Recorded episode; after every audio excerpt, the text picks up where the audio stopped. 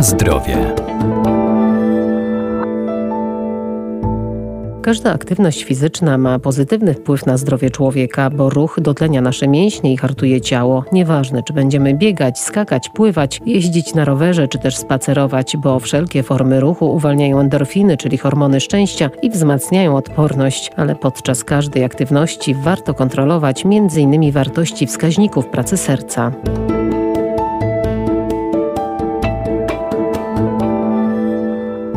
Zwykły spacer poprawia nastrój i kondycję, pozwala zyskać dodatkową energię i zrzucić zbędne kilogramy. Jazda na rowerze hartuje, systematyczne bieganie wzmacnia serce i układ krążenia, a sporty walki nie tylko rozwijają fizyczność i kształtują sylwetkę, ale także uczą wytrwałości oraz pokonywania własnych ograniczeń. Zaś Nordic Walking uaktywnia blisko 90% mięśni całego ciała. Wszelka aktywność fizyczna to także lepsza ogólna sprawność. Przy każdej formie aktywności fizycznej należy stosować samo kontrolę, samoocenę wartości wskaźników pracy serca właśnie w oparciu o wartość tętna. Dr Krzysztof Krawczyk, Centrum Kultury Fizycznej UMCS w Lublinie. Dlatego dobrze jest stosować sport tester jakiś, tak żeby na bieżąco mieć online ten wynik wartości. Jeżeli nie, to co jakiś czas należałoby sobie na tętnicy szyjnej pod kątem żuchwy sprawdzić tą wartość tętna przez 10-15 sekund, pomnożyć adekwatnie przez 4 albo 6. Chodzi o to, żeby też ten wysiłek był bezpieczny, żeby y, był kontrolowany.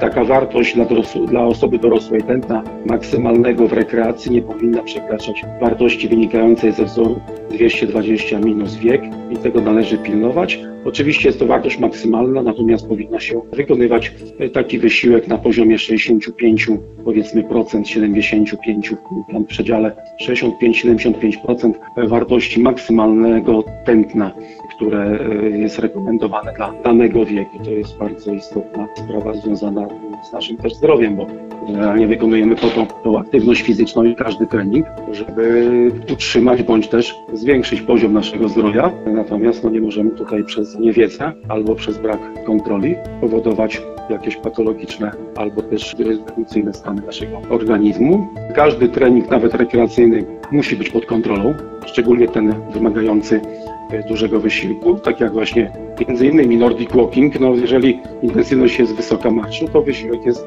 dosyć duży i, i tutaj powinniśmy to zawsze mieć pod kontrolą.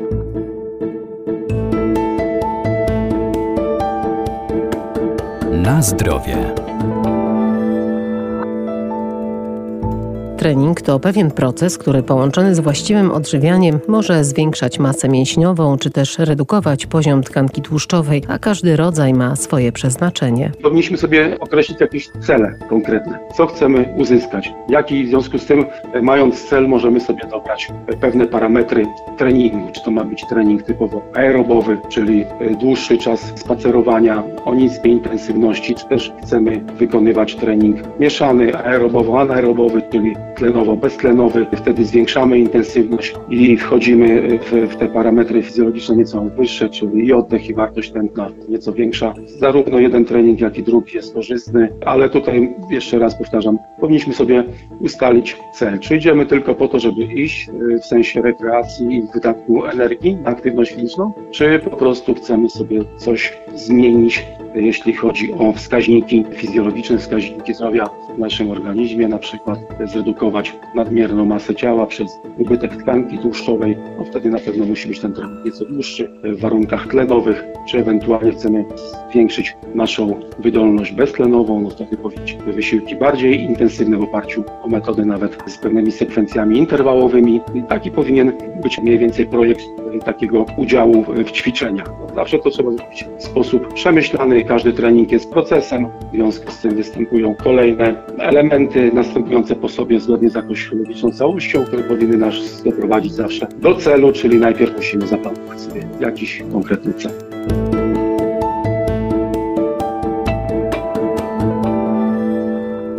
Podczas uprawiania sportu na świeżym powietrzu warto pamiętać o odpowiednim ubraniu, dostosowanym do pory roku wykonywanych czynności oraz pogody.